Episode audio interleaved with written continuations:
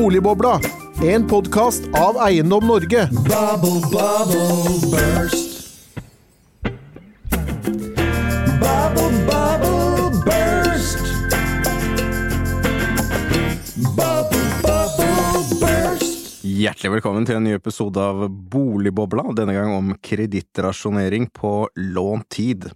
For når vi nå skriver 2023, har Norge i nesten syv år praktisert en midlertidig kredittrasjonering med utlånsforskriften. Begrunnelsen for forskriften var, lav rente og utsiktene til vedvarende lav rente. Men hva nå, når renten ikke lenger er lav og utsiktene til rentenivået på 2020-tallet er kanskje tre–fire ganger høyere enn på 2010-tallet? Og lever kredittrasjoneringen på lånt tid? For å ta oss gjennom dette temaet har vi fått noen utmerkede gjester. Hjertelig velkommen til deg, administrerende direktør i Finans Norge, Ida Kreuzer. Tusen takk. Og hjertelig velkommen til deg, Gøril Bjerkan. Eh, styremedlem i flere banker, tidligere medlem av Bankkrisekommisjonen, og eh, også tidligere medlem av Norge Bank hovedstyre, lang CV, og rådgiver i LO på si, kan man kanskje si. Hjertelig velkommen til deg. Tusen takk. Og hjertelig velkommen til deg, Eiendom Norge-direktør Henning Lauritzen. Takk, takk. Eh, vi, i likhet med flere andre, har levert høringssvar til eh, Finansdepartementet nå på utlånsforskriften. Men vi vil oppheve den. Hvorfor? Hvorfor? Vi har jo, vi, vi har jo støttet uh, utlånsforskriften i de periodene hvor vi har vært gjennom med veldig lav rente, men utlånsforskriften har jo definitivt mange ulemper også. Og nå mener vi at de forholdene som har begrunnet utlånsregulering og streng utlånsregulering, de er ikke til stede lenger. Og samtidig så har utlånsforskriften ganske mange ulemper. Jeg kan jo bare nevne et par av dem. Eh, eierlinjen er kanskje noe av det viktigste vi jobber for. Og Eiendom Norge jobber for. Altså. Eiendom Norge jobber for, og, og der ser vi at utlånsforskriften den eh, bidrar ikke til å bygge opp under eierlinjen. Og så er selvfølgelig eh, et velfungerende marked og finansiell stabilitet eh, veldig viktig for oss. Det er kjempeviktig for eiendomsmarkedet, men nå er vi nok mer bekymret eh, for at utlånsforskriften bidrar kanskje like mye til det motsatte som til å sikre finansiell stabilitet. Nå er det en slags fare for at den blir en sånn liten turbo på toppen av høyere rente, som bidrar til å presse eh, både bruktboligmarkedet nedover, men også nyboligproduksjonen nedover. Og det kan gi ubehagelige svingninger. Idar, dere har jo også levert uh, høringssvar, og dere, dere, har vel egentlig kanskje aldri vært for denne utlånsforskriften, og dere er ikke det nå heller? Nei, altså, men, men, men, du vet at det er jo Når vi sitter her, så er det egentlig to diskusjoner. Den, den ene diskusjonen, det er uh, utlånsforskriften uh, og, og, det prinsipielle synet på å ha en sånn inngripen i et velfungerende marked. Det andre som gjør diskusjonen i dag særlig dramatisk, er jo at Finanstilsynet ikke bare har foreslått å opprettholde den, men å foreta ganske dramatiske innstramninger. Så det gjør, det gjør veldig, diskusjonen veldig aktuell. Og det er riktig som du sier at vi, vi mener jo prinsipielt at vi har et velfungerende marked for boliglån i Norge. Det er 130 tilbydere, det er hard konkurranse. Digitale løsninger gjør at alle har samme tilgang over hele landet. Og kredittvurderinger, det er bankenes ansvar. Ved å innføre en forskrift som dette, så overfører man jo en del av kredittvurderingsansvaret til Finanstilsynet, mm. som ikke er satt opp med en kredittkomité. Det er ikke de som skal Altså, det, det, det, det blir Ikke sant, altså det er en inngripen i markedet. Og som dere begge antyder i innledningen, så vil enhver inngripen i et marked, det vil ha uh, tilpasningskonsekvenser. Og nå har vi hatt dette siden 2015. Tilpasningskonsekvensene begynner å bli veldig synlige, både når det gjelder fordeling og fordelingsmessige sider, og når det gjelder effekter i markedet. Når det gjelder det andre spørsmålet, dette med en tilstramning nå, så vil vi jo anse det for å være et usedvanlig uklokt råd. Fordi vi må huske på at da denne forskriften ble innført, som du nevnte i din innledning, så var det et lavt rentenivå. Vi var på vei mot null i hele Europa. Alle forventet vedvarende lavt rentenivå. Og hvis du sier at pris er en mekanisme som styrer etterspørsel. Så når Det vil vel de fleste være enig i. ja? Så, så vil man jo da kunne argumentere for at når prisen går mot null, så vil det kunne føre til en overetterspørsel etter lån. Og Derfor var vi prinsipielt imot, men vi sa at uh, gitt situasjonen, så kan det være riktig å, å ha en, øh, en forskrift, gitt at den Og er dette gjorde jo alle land. Ja, ikke sant? Gitt, gitt at den er tidsbegrenset, og gitt at den har en stor fleksibilitetskvote, slik at de som under ellers like vilkår er kredittverdige, fremdeles kan få, kan få lån. Det å stramme inn nå, når renten er på vei opp, når økonomien kjøler kraftig ned, hvor vi har allerede sett en eh, bråbrems i igangsettingen av nye boliger, det vil kunne ha svært negative konsekvenser både for eh, boligmarkedet og for økonomien. Så det vil vi advare veldig sterkt mot. Gøril, du, du skriver jo i din faste spalte i Dagens Næringsliv at utlånsforskriften gjør større skade enn nytte. Mm. Hva mener du med det, da? Ja, nei, og det er nettopp knytta til det prinsipi- prinsipielle som Idar tar opp her. Altså, situasjonen er at myndighetene eh, går inn i markedet og sier at de egentlig er bedre egnet til å vurdere risiko enn det, enn det både långiver, altså banker, og låntaker er. Eh, eh, og det har noen konsekvenser, for det innebærer at spesielt førstegangsetablerere som egentlig skulle ha fått lån, eh, fordi de, de har en kredittrisiko som tilsier at de, de kan, eh, kan og skal få lån, de får ikke lån. Fordi myndighetene sier nei, de setter altså en sånn begrensning eh, på det. Så bankene har ikke adgang til å gi dem lån. Og- det gir noen fordelingskonsekvenser, som jeg tar opp i den kronikken. For det innebærer at det er det vi så fint kaller ellers like sosioøkonomiske grupper mm. får ulik tilgang til boligmarkedet avhengig av hvilke foreldre de har, eller hvilke omgivelser de har som kan uh, kausjonere for dette lånet, eventuelt gi dem egenkapital. Uh, og, det, det fører jo også, også ikke bare mellom, uh, mellom og det, det jeg skriver i kronikken, ikke bare mellom like sosioøkonomiske grupper, men også de gen, det er generasjonseffekter her som overføres. Jeg brukte jo meg selv som eksempel, fordi jeg kom inn i boligmarkedet tidlig på 90-tallet og har masse ledig kursjonskapasitet å gi videre til mine barn når de skal inn i boligmarkedet. Og det er ganske urettferdig, uh, fordi deres medstudenter som kommer nordfra, jeg er fra Narvik opprinnelig, der har ikke boligmarkedet gått like mye. Eh, Så deres foreldre kan ikke gi eh, stille opp på samme måte og være kausjonister for, for sine barn som skal bosette seg i Oslo. Eh, Det er det ene, ja, og det andre er jo også den regionale som jeg tok opp nå, regionale ulikheten det skaper. Så, så, så, så, det er ulempen. Og fordelen, hva er egentlig fordelen? Og det tar jeg også opp. Og det skriver jo Finanstilsynet selv i, sin, eh, i sitt høringsbrev, at eh, de kan egentlig ikke se at dette har påvirket finansiell stabilitet.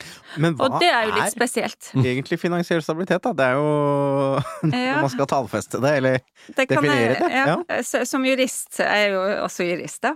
Og det, da, det finansiell stabilitet det er definert eh, i finansforetaksloven. Med finansiell stabilitet menes at det finansielle systemet er robust nok til å motta og utbetale innskudd og andre tilbakebetalingspliktige midler for allmennheten, formidle finansiering og utføre betalinger og omfordele risiko på en tilfredsstillende måte. Det er den lovmessige eh, definisjonen av finansiell stabilitet. Og så er det det andre jeg har vært opptatt av her, som jurist. For hva er egentlig hjemmelen som eh, Finanstilsynet og Finansdepartementet har for denne forskriften? Jo, den finner vi i paragraf 1-7. Og den åpner da for forskriftsfeste, det er det man gjør i den utenlandsforskriften, forskriftsfeste nærmere krav til finansforetak ut fra hensynet til å fremme finansiell stabilitet. Så det juridiske, det rettslige spørsmålet blir da egentlig om om den empirien vi har nå eh, så langt, kan tilsi at det har bidratt til å fremme finansiell stabilitet. Og der er det jo Finanstilsynet, eller Finansdepartementet som fastsetter den, som har bevisbyrden. Mm. Og så langt etter, ikke bare siden 2015, men de har jo drevet med det her siden 2010-2011, Ja, første gang som retningslinjer. ja. Eh, De, de har ikke empiri som, som viser at, eh, at det har bidratt Men, til finansiell stabilitet. Men betyr det at du mener at man kan være ute utenfor hjemmelen, Ja, ja, hvis man ikke kan, kan Ja. bevise det med Det er- en eller annen form for sannsynlighetsovervekt? Ja, det, det, det er eh, det, Ja, det, det mener jeg, og det mener jeg er et faktum. Men, men altså da, den, øh, det du sier i den definisjonen, det er jo egentlig det Idar da sier at de, hans medlemmer De driver jo med dette. Innlån, utlån. Mm, ja. Det, det, dere kan jo catere disse oppgavene. Ja, ja, absolutt. Altså, men hvis, hvis vi skal bare snu, snu det litt rundt, da, så bare gå inn og, og, og tenke litt igjennom hva var det man tenkte da man innførte denne. Ehm, så var det fem, altså fem-seks år etter at vi kom ut av finanskrisen, eh, og alle hadde høstet erfaringer med hvilke kostnader en finanskrise har for økonomien, for samfunnet, for eh, enkelt, eh, enkeltpersoner. Og man var midt i en fase hvor man da bygget opp kapital i bankene for å øke robustheten i det finansielle systemet. Så dette kom på en måte sammen med det vi har kalt en sånn tsunami av virkemidler for å liksom pakke inn det finansielle systemet. Og derfor tror jeg at eh, eh, den problemstillingen, den juridiske problemstillingen som, som Gøril tar opp, den ble nok mindre eh, vektlagt, fordi det kom sammen med ganske mange andre tilsvarende tiltak. Mm. Eh, og så var det den underliggende begrunnelsen at når prisen gikk mot null, så fryktet man at etterspørselen ville gå mot uendelig, eh, ikke sant? Eh, nå har vi hatt lang tid på å tenke over dette. Eh, vi har fått sjansen til å se har det hatt noen effekter, og vi har også fått sjansen til å se hva er de det man kaller unintended consequences, altså det som er eh, Det er jo det Gøril i for seg. ja, ikke sant? Og, og da er det helt riktig som Gøril sier. Vi har fått veldig tydelig eksponert de negative konsekvensene av dette, uten at noen har klart å påvise eh, at det har den positive effekten som, eh, som reguleringen hadde som formål. Og da er det jo virkelig grunn til å tenke etter. Altså, syns jo virkelig det. Eh, Så, så derfor er denne diskusjonen viktig nå. Men, men altså, jeg leste jo pengepolitisk rapport nå øh, Nei, unnskyld, den siste rapporten fra Norges Bank om finansiell stabilitet, eller, øh, som nå de skal ha finansiell fagdag i morgen om. Og der er det jo en stresstest av norsk økonomi som, som går på altså et betydelig BNP-fall og et boligprisfall på rundt en sånn, og eiendomsprisfall på rundt en 30-40% Og selv i det stresscenarioet så vil jo dine medlemmer medlemmer kunne håndtere det fallet og de problemene. Ja. Ja. Er ikke disse, hva skal du si, de krise- og øvrige reguleringene som bankene har fått, da, den tsunamien av regelverk som du kaller det, cater ikke de disse behovene og, og hva skal du si, bufferen for den finansielle stabiliteten i seg selv? Jo. altså, vi har mange, vi har jo ganske mange reguleringsmekanismer i Norge i forhold til tilpasninger til eh, ulike nivåer i en økonomisk sykkel. Eh, og det er sånne naturlige stabilisatorer. En av de viktige i Norge, det er at vi har flytende rente. Mm. Uh, og man kan diskutere er det en fordel eller ikke fordel. Jeg kommer nettopp nå fra et nordisk eh, møte mellom lederne i Bankforeningen i Norden, eh, og det er store forskjeller i Norden. Eh, Noen markeder har en mye høyere andel fastrente enn det Norge har, og ser på det som en stabiliserende faktor. Mm. Men for oss eh, så er det en fordel, fordi det gjør at pengepolitikken virker mye mer effektivt og raskere i, i Norge. Så tilpasninger fra Norges Bank eh, vil slå rett ut i økonomien, fordi folk da merker det på kroppen ganske raskt. I motsetning til USA, for eksempel. Da, 95 av free. Eh, ja, ikke sant? Og det gjør at tilpasninger da i finanspolitikken og pengepolitikken virker eh, i Norge. Og det er, det er liksom de hovedmekanismene som vi skal bruke. I tillegg så har vi jo eh, lover og regler som eh, både beskytter forbruker og legger rammer på hvordan bankene skal eh, utøve sine eh, forpliktelser. Og, og det har jo også blitt forsterket den senere tid, med den nye finansavtaleloven, hvor bankene nå ikke bare har en eh, en frarådingsplikt, at man skal råde en forbruker til å ikke ta opp et lån som man mener man ikke kan, kan, kan bære, men man har en plikt til å avvise dette lånet. Eh, Sånn at eh, andre mekanismer er eh, også viktig å se på, og hvis man da kommer med dette på toppen, så får det For det første er det unødvendig, og for det andre så får det veldig sterke negative konsekvenser. Denne, denne frarådings, altså fra frarådingsplikt til avslagsplikt, hva slags vurderinger har dere av virkningen dette vil få? Altså Blir det innstrammende på noen måte? Vil det endre kredittpraksisen i bankene? Ja, vi er helt sikre på at det blir innstrammende. Hvor innstrammende vet vi ikke. Mm. Fordi når vi har spurt medlemmene våre, så har man tatt på alvor eh, den frarådingsplikten. Mm. Eh, Men når man eh, nå får en avslagsplikt, så er det en veldig streng regulering. Eh, Og den kommer til å bli etterprøvd. Uh, Og ingen har lyst til å uh, komme i en situasjon hvor man har brutt den plikten. Og det vil nok kunne føre til at marginale låntakere får avslag for sikkerhets skyld. Mm.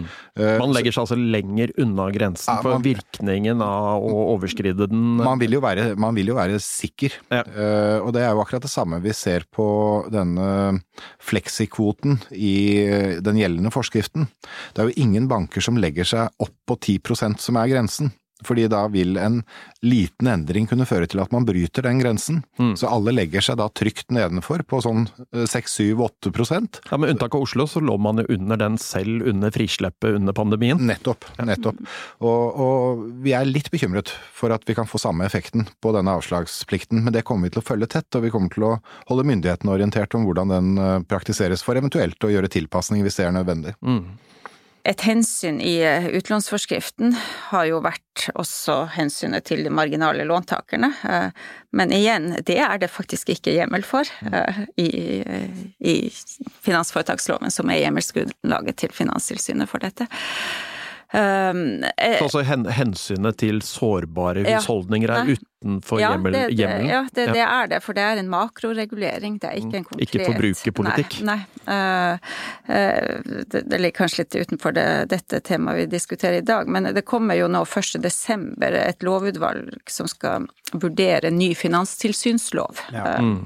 Og jeg regner med at de vil gå inn i Det vil jeg si er i midt i puddingen når det er ja, Finanstilsynet ja, som foreslår dette. ja, ja. Men ja. Så jeg regner med det vil komme noe, altså presiseringer av både hjemmels... Altså litt opprydding, egentlig, i eh, I rammevilkårene. Ja, i Finanstilsynets eh, reguleringspolitikk på dette området. Mm.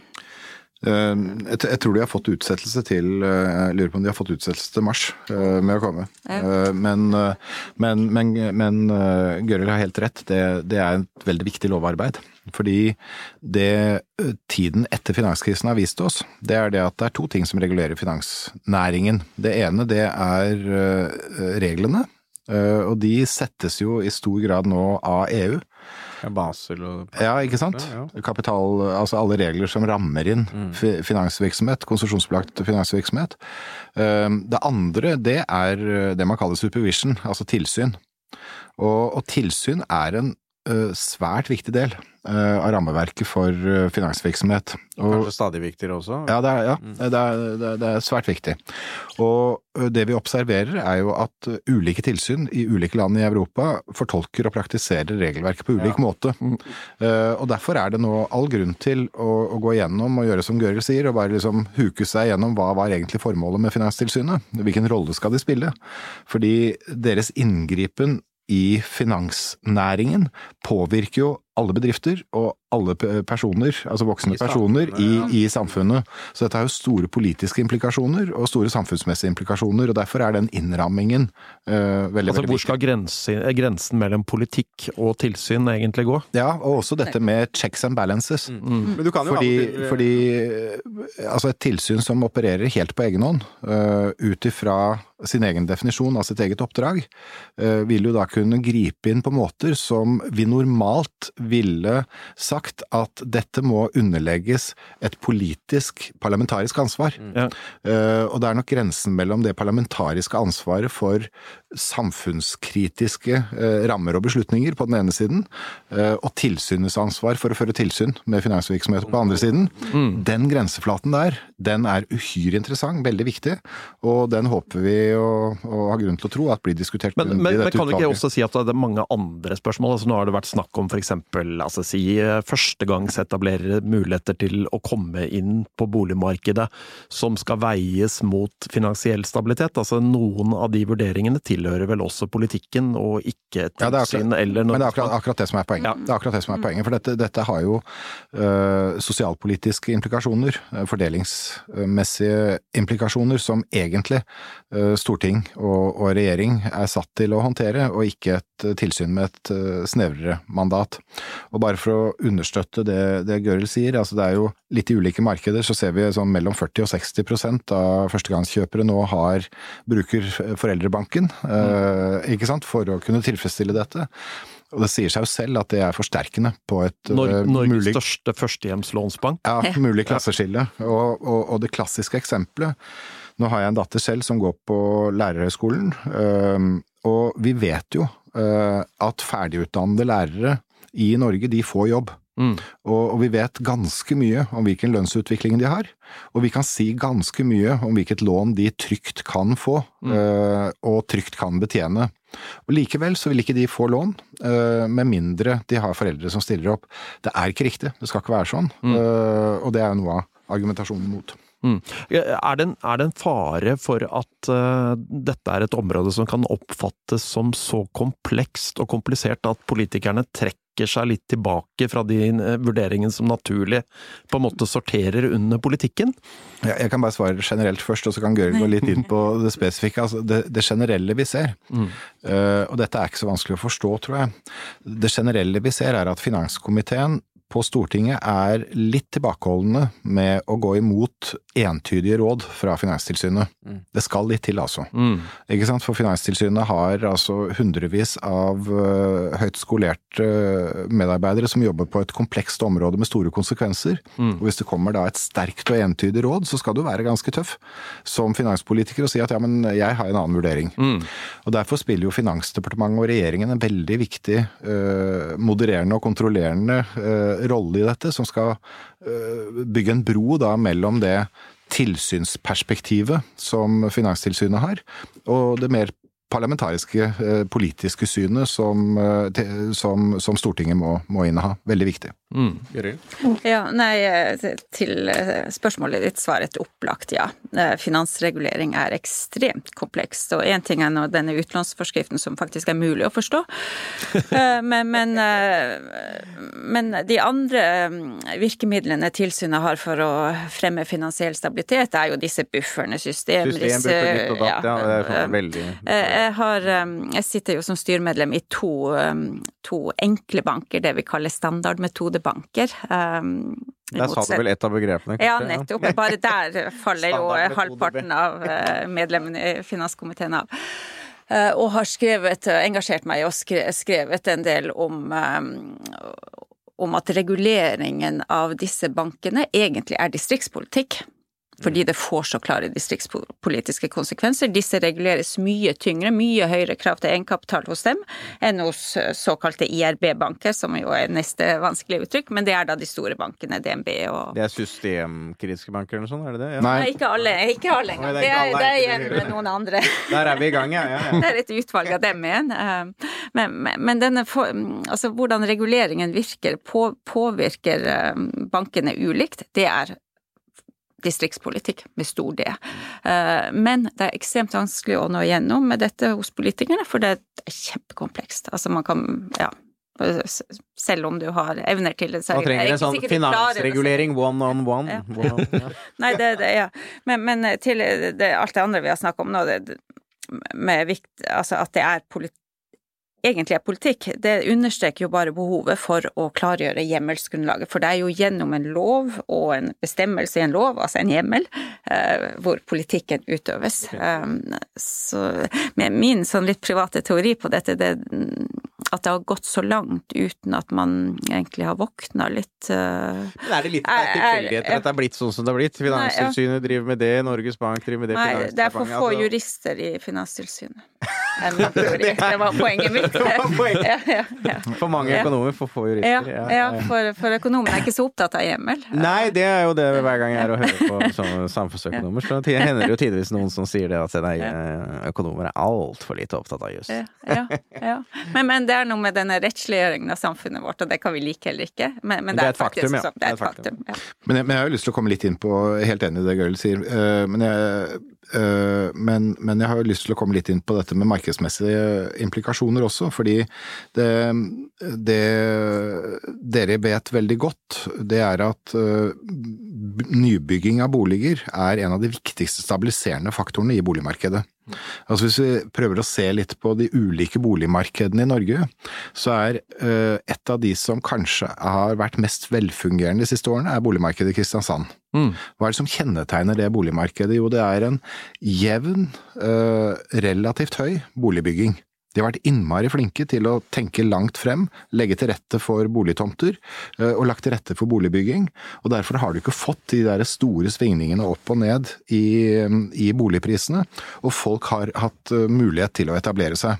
Det har en positiv ringvirkningseffekt for Kristiansand, eh, hvor du ser at, at Agder nå ligger svært høyt på andelen nye jobber i prosent av full sysselsetting. Henger helt garantert sammen med, med Ja, altså boligmarkedet. koblingen mellom det, det viktigste markedet, arbeidsmarkedet, og det nest viktigste, boligmarkedet. Det er veldig viktig. Ja, ja, det, jo, men det, ja, sånn. ja, men det er det, ikke sant? Og, og motsatt så så vi jo at i den der perioden hvor deler av, altså deler av en del markeder i, i Norge var preget av lav boligbygging, sånn i 2004, 2005, 2006, hvor vi hadde ganske høy befolkningsvekst, lav boligbygging, så fikk vi en situasjon i markedet som vi slet med i ti år, eh, hvor vi hadde for lite tilbud, og det drar jo da, eh, særlig i pressområdene, og det drar jo naturligvis opp prisene. prisene. Og det vi er redd for nå, er at hvis man strammer til for hardt, og særlig hvis man nå følger eh, rådet fra Finanstilsynet om ytterligere tilstramming på boliglånsforskriften nå, så kommer det til å føre til en absolutt bråbrems i boligbyggingen i Norge. Og det tar det flere år å komme i gang med igjen. Og da, da skaffer vi oss et problem som vi må slite med i de kommende ti årene, og det er helt unødvendig. Helt unødvendig. Ja, for i, I går så la boligprodusentene frem tall som viste at så langt i år så er det solgt eh, Altså det er ikke solgt så få nye boliger siden finanskrisen i Norge. Og, og det betyr jo i praksis at om seks måneder, åtte måneder eller lignende, så er det en del boliger som ellers hadde blitt bygget, som ikke kommer til å bli bygget. For de boligene som ikke selges i dag, bygges jo ikke i morgen. Og, og vi vet jo fra, fra boligproduksjonen nå at det er mange av utbyggerne som har lagt prosjektene på vent, for de klarer ikke å regne dem igjen hjem. Det er høye entreprisekostnader, det er veldig store risikopåslag pga. usikkerhet. Eh, Det er høyere renter, og det er de på den andre siden som, eh, som kan slite med finansieringen hvis, hvis det blir for stramt. Og da, da er vel eh, kanskje den situasjonen vi er i nå med, hva skal man si, med utlånsregulering på toppen av en høyere rente, og i tillegg denne finansavtalelovendringen, i sum kan jo bli en litt skummel miks fremover. Ja, fordi vi, vi, vi kjenner jo til de som har lagt boligprosjekter på is, Ja. men det vi ikke vet om er alle de som nå sitter og tenker skal, skal ikke. Mm. Fordi det er veldig mange som akkurat nå eh, sitter og vurderer skal vi kjøre videre eller skal vi vente. Og det er klart hvis det nå vedtas en tilstramning av boliglånsforskriften, så kommer mange av de til å si at ok, men da tar vi det signalet, da legger vi prosjektet til side. Mm. Og det vil koste oss dyrt fremover, det vet vi av, av erfaring. Mm. Men øh, hva bør da Finansdepartementet, da? De skal jo nå bruke forhåpentligvis ja, La oss ikke hoppe for lang tid på å vurdere dette. Eh, vi har jo antydet at utredningsinstruksen kanskje ikke er fulgt av øh, Ja, mer enn antydet, vil du kanskje kunne si, av Finanstilsynet. Det er også dere. Eh, hva bør Finansdepartementet gjøre, da? Gøril? Nei, jeg, jeg, Og hvor lang tid bør de bruke? Ikke minst. Eh, De bør jo ikke bruke så lang tid, for det første. eh, Beslutningsgrunnlaget ligger der. Eh, De har jo to, Finanstilsynet har jo to ganger tidligere, eh, 2019 og 2020, foreslått innstramminger i Som er mer eller mindre det samme de foreslår ja, nå. Ja. og ikke fått gjennomslag for det. Jeg ser på en måte ingen grunn til at de skal få gjennomslag for det nå i nåværende konjunktursituasjon, siden de ikke fikk det i 2019 og 2020. Eh, Når det gjelder det med utredningsinstruksen, så er det egentlig bare en ytterligere mm, Altså utredningsinstruksen av, angir krav til eh, statlig virke... Eller myndighetenes virkemiddelbruk. Eh, Og da er det jo sånn at dess mer inngripende tiltak er, dess bedre må det begrunnes, eh, og dess bedre må det dokumenteres at det har virkning. Allerede der så faller jo dette nå, fordi det, man kan jo ikke dokumentere Man kan vel kanskje si at de ikke har gjort de to tingene, nei? Nei, nei, men- men jeg merker meg jo at både, altså på tross av manglende dokumentasjon, så sier også Norges Bank at de anser at de, de, at de anser at det har bidratt til finansiell stabilitet, og det må de nesten si, hvis ikke så er det jo ikke et lovlig tiltak. Nei, altså, men ja. Eh, Mm. eh, Det, det det ene. Det, det andre er at um, gitt at det, det har effekt, eh, og at du ønsker å bruke det, så må du også vurdere om, om det ikke finnes andre virkemidler som Mindre inngripende. Mindre inngripende. ja, og, ja, og, og som um, har, har færre bivirkninger i form av redusert eller økt ulikhet og um, eh, og det har de jo heller ikke gjort. Uh, og jeg vil jo påstå at nettopp denne tsunamien av, uh,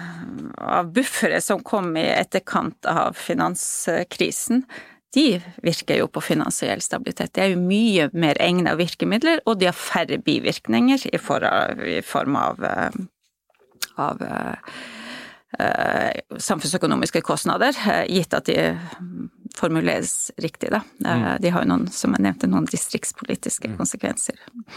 Men, men, men det er egentlig utredningsinstruksen, det er disse kravene altså, til statlig virkemiddelbruk. Ja. Som er de, de er formulert i utredningsinstruksen, og som er, også er fastsatt som en forskrift eh, som forvaltes av Finansdepartementet. Mm. Så den skal brukes i alle offentlige tiltak. Ja, og sånn, sånn rent prinsipielt så burde Finansdepartementet nå si at eh, forskriften ble innført på en spesiell tid, eh, i en spesiell situasjon. Den har fylt sitt formål og bør avvikles innen en gitt tidsfrist. Det, det hadde vært et positivt signal uh, inn i uh, særlig nybyggingsmarkedet, som gjorde at en del av de marginale prosjektene som nå antagelig uh, skrinlegges, ville kunne bli gjennomført og redusert svingningene i boligmarkedet. Det som antagelig er det mest realistiske, det, det er at Finansdepartementet sier at eh, vi viderefører dagens forskrift, ikke tar hensyn til eh, forslaget fra Finanstilsynet om, om innstramning, men legger seg litt mer på Norges Banks linje om, eh, om å videreføre, men da tidsbegrenset. Altså det er et tidsbegrenset tiltak, og det er veldig viktig at det eh, tydelig signaliseres eh, at det er tidsbegrenset. Eh, Vi kunne også ønske oss at det kommer klare kriterier for hva som skal til for å opprettholde det, og slik at når de kriteriene ikke lenger er der, så avvikles den. At man Altså, definerte klart ok, at- dette er situasjonsbetinget, og de er de og de Ja. Um, og så er disse spesielle Oslo-tingene tror vi ikke det er behov for lenger, så de bør fjernes. Uh, og man bør minimum ha en fleksibilitetskvote på, på 10 for, som er dagens nivå, ja. Ja, minimum. Uh, Minimum, ja. ja. uh, så, så det er vel kanskje det mest realistiske. Men, men dette med tidsavgrensning og fleksibilitetskvote er veldig viktig, og prinsipielt så, så, så er det nå modent for å uh, signalisere avvikling av hele ordningen. Henning, hva er dine eh, tips og triks for hva som blir utfallet? Nei, jeg, jeg er nok litt på linje med Idar når det gjelder vurderingene hva jeg tror kommer til å skje, selv om, eh, selv om jeg syns jo på mange måter hvis man skulle ende på det, så er det en, en aldri så liten fallitt i den situasjonen vi er i nå, med den kunnskapen vi har om virkninger eller ikke-virkninger. Og øh, jeg, jeg må jo si, eller vi i Eiendom Norge er jo spesielt bekymret for nyboligproduksjonen akkurat i øyeblikket, og de, de på en måte veldig uheldige effektene den bremsen vi ser er på vei nå kommer til å få for øh, både for økonomien og for, øh, for boligmarkedet. Men hvis du skulle tenke litt mer sånn filosofisk på det, så dette er et spørsmål jeg har stilt, eh, stilt flere, flere, og det er jo da Det, det beskrives jo at man skal ha et bærekraftig nivå, utvikling i boligpriser og gjeld. Men jeg spurte da Torbjørn Hegeland i Norges Bank hva er et bærekraftig utvikling i boligpris og gjeld? Og da sa han det er i hvert fall ikke null. Men hva, hva er det i det? Men altså sånn uh... Altså hva var det norske husholdninger er det tre, 300% eller noe sånt, er det det? Ja. 270. 270 nå, cirka. så- Altså hvis du Over tid så må det være en, et samsvar mellom uh, produktivitetsvekst, lønnsutvikling og prisutvikling. Ikke sant? Det, det er jo det, det er det som- er det en boble. Ja, det er det som over tid er bærekraftig. Eh, samtidig så er det noen faktorer som, som spiller inn, og det er det at eh, det har vært en veldig høy lønnsvekst i Norge. Hvis du ser på den siste 20-årsperioden, mm, 2000, ja. ja, Mm. så har det, har det vært en veldig høy lønnsvekst i Norge. Eh, og det er ikke sånn at forbruket ditt av alle eh, varer og tjenester øker proporsjonalt med lønn. Og, og det innebærer at veldig mange av disse basistingene man kjøper eh, Vi har blitt rikere. ganske det, sikkert, det ja. utgjør en mindre andel av, av lønnen. Så du har antagelig en relativt sett nå større eh, mulighet til å bruke penger på bolig eh, enn det man hadde Eller bære gjeld, da. Ja. Ja, Mm. bære gjeld eh, enn det man hadde i, Den i 2000. siste kronen, da kan du bruke nesten alt på gjeld, Ja. sånn teoretisk Jo, sett. jo, men ikke sant. Eh, og det ser vi jo også på eh, når, vi, når vi ser ikke bare på gjelden eh, til norske forbrukere. Det er jo like riktig å si at norske forbrukere har aldri vært eh, eh, mer finansielt robuste enn nå. Ja. Vi ser på penger på bankkonto, vi ser på penger på investert i ulike fondsløsninger, vi ser på balansen til det norske forbruker generelt, eh, er svært robust. Så det er veldig viktig at ikke vi nå skaper en usikkerhet gjennom å argumentere på oss en sårbarhet som, som ikke er reell. Det som er like viktig, det er det at det er en liten gruppe som er identifisert, som, som alle følger, som har en kombinasjon av relativt lav inntekt, relativt høy gjeld og relativt dårlig eh, sikkerhet for, for den gjelden. Det er jo den sårbare gruppen. Og vi er alle opptatt av at den gruppen skal eh, gå riktig vei og bli, komme inn i mer robust territorium, og ikke gå gal vei. Og, og vi vet at den gruppen også er sårbare for eh, forbrukslån, eh, ikke sant? Og derfor har vi vært veldig opptatt av eh, rammer for forbrukslov, eh. Eh, vi har innført en rekke tiltak i nærhet, næringen, både med hensyn til salg, markedsføring. Eh, vi har fått gjeldsregister for å synliggjøre dette, ikke sant? sånn at vi jobber målrettet mot de sårbare gruppene. Men det å ha generelle tiltak for alle i en situasjon som er robust, eh, det er det jo da ikke noe grunnlag for. Gøril, bærekraftig. Ja, Utvikling nei, jeg er enig i mye av det du sier. Um, det er likevel sånn at selv om man i makro er robust, så kan fordelingen av den gjelden eh, gjøre at som du, akkurat som du sier, at det er noen sårbare grupper som eh, likevel er veldig utsatt. Eh, Men da bør man jo tenke på hva er det vi ønsker å oppnå? Sårbare grupper utsatt, ja, de kan få problem, de kan få problemer med å eh, betjene lånene sine. eh, Men hva er konsekvensen for finansiell stabilitet av det? Sannsynligvis ikke så mye, for i Norge så har vi jo sånn at du eier gjelden din selv om Ja. du kvitter deg med huset. Så bankene kan mail, følge den, eh, den eh, fordringa de har inntil du går i graven. Og vi så det jo under bankkrisen, altså ikke finanskrisen, men bankkrisen tidlig på 90-tallet, at det var veldig lite konstaterte tap på boliglån for bankene. Altså det var mye beregna tap underveis, men når det kom til uh, the bitter end, ja. så, så gjorde folk opp for seg. Uh, stort sett. Så, så, så det er egentlig to forskjellige spørsmål. Uh, Så det er egentlig eh, forbrukertiltak som Ja, trengs for ja, å rette dette ja. problemet, ikke makrotiltak. Nei. Det, det, det var klar over forskjellen. Ja.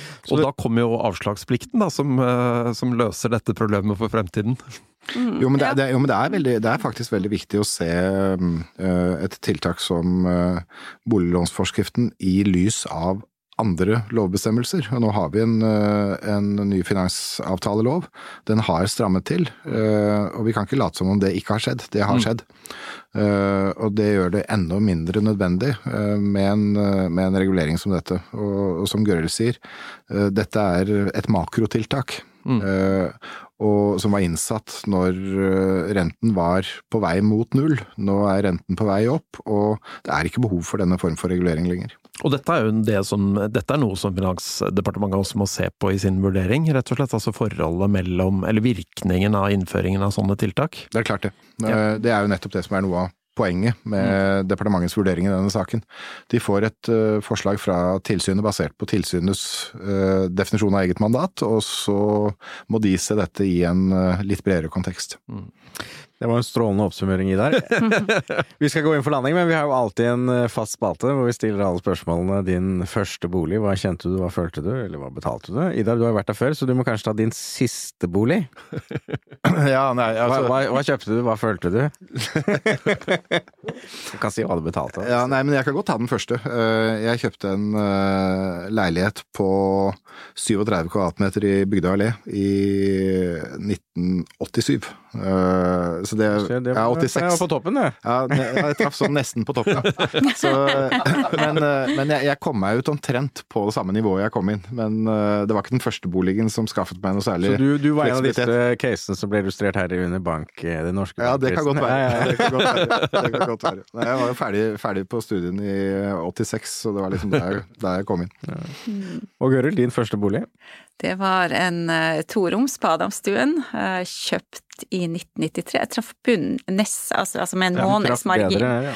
Og det kan jeg jo ta den historien nå. Takket være min sjef i Norges Bank eh, den gangs, var Jarle Bergo. Det var før han ble visesentralbanksjef. Han sa til meg at nei, nå er det kanskje på tide å begynne å kjøpe. og da kjøpte jeg. Etter råd fra Ja. Norges Bank, du ble fornøyd? Ja, Ja, ja, jeg jobbet jo i Norges Bank, det var sjefen min. Så, eh, det så det har jo vært en lykke, eh, men en nokså urettferdig uh, tilfeldighet. Veldig bra. Nei, hjertelig takk, eh, Idar og Gøril og Henning ved min side. Vi er tilbake med nye episoder av Boligbobla før vi vet ordet av det. Takk for denne gang. Selv takk. Boligbobla, en podkast av Eiendom Norge. Bubble, bubble, burst.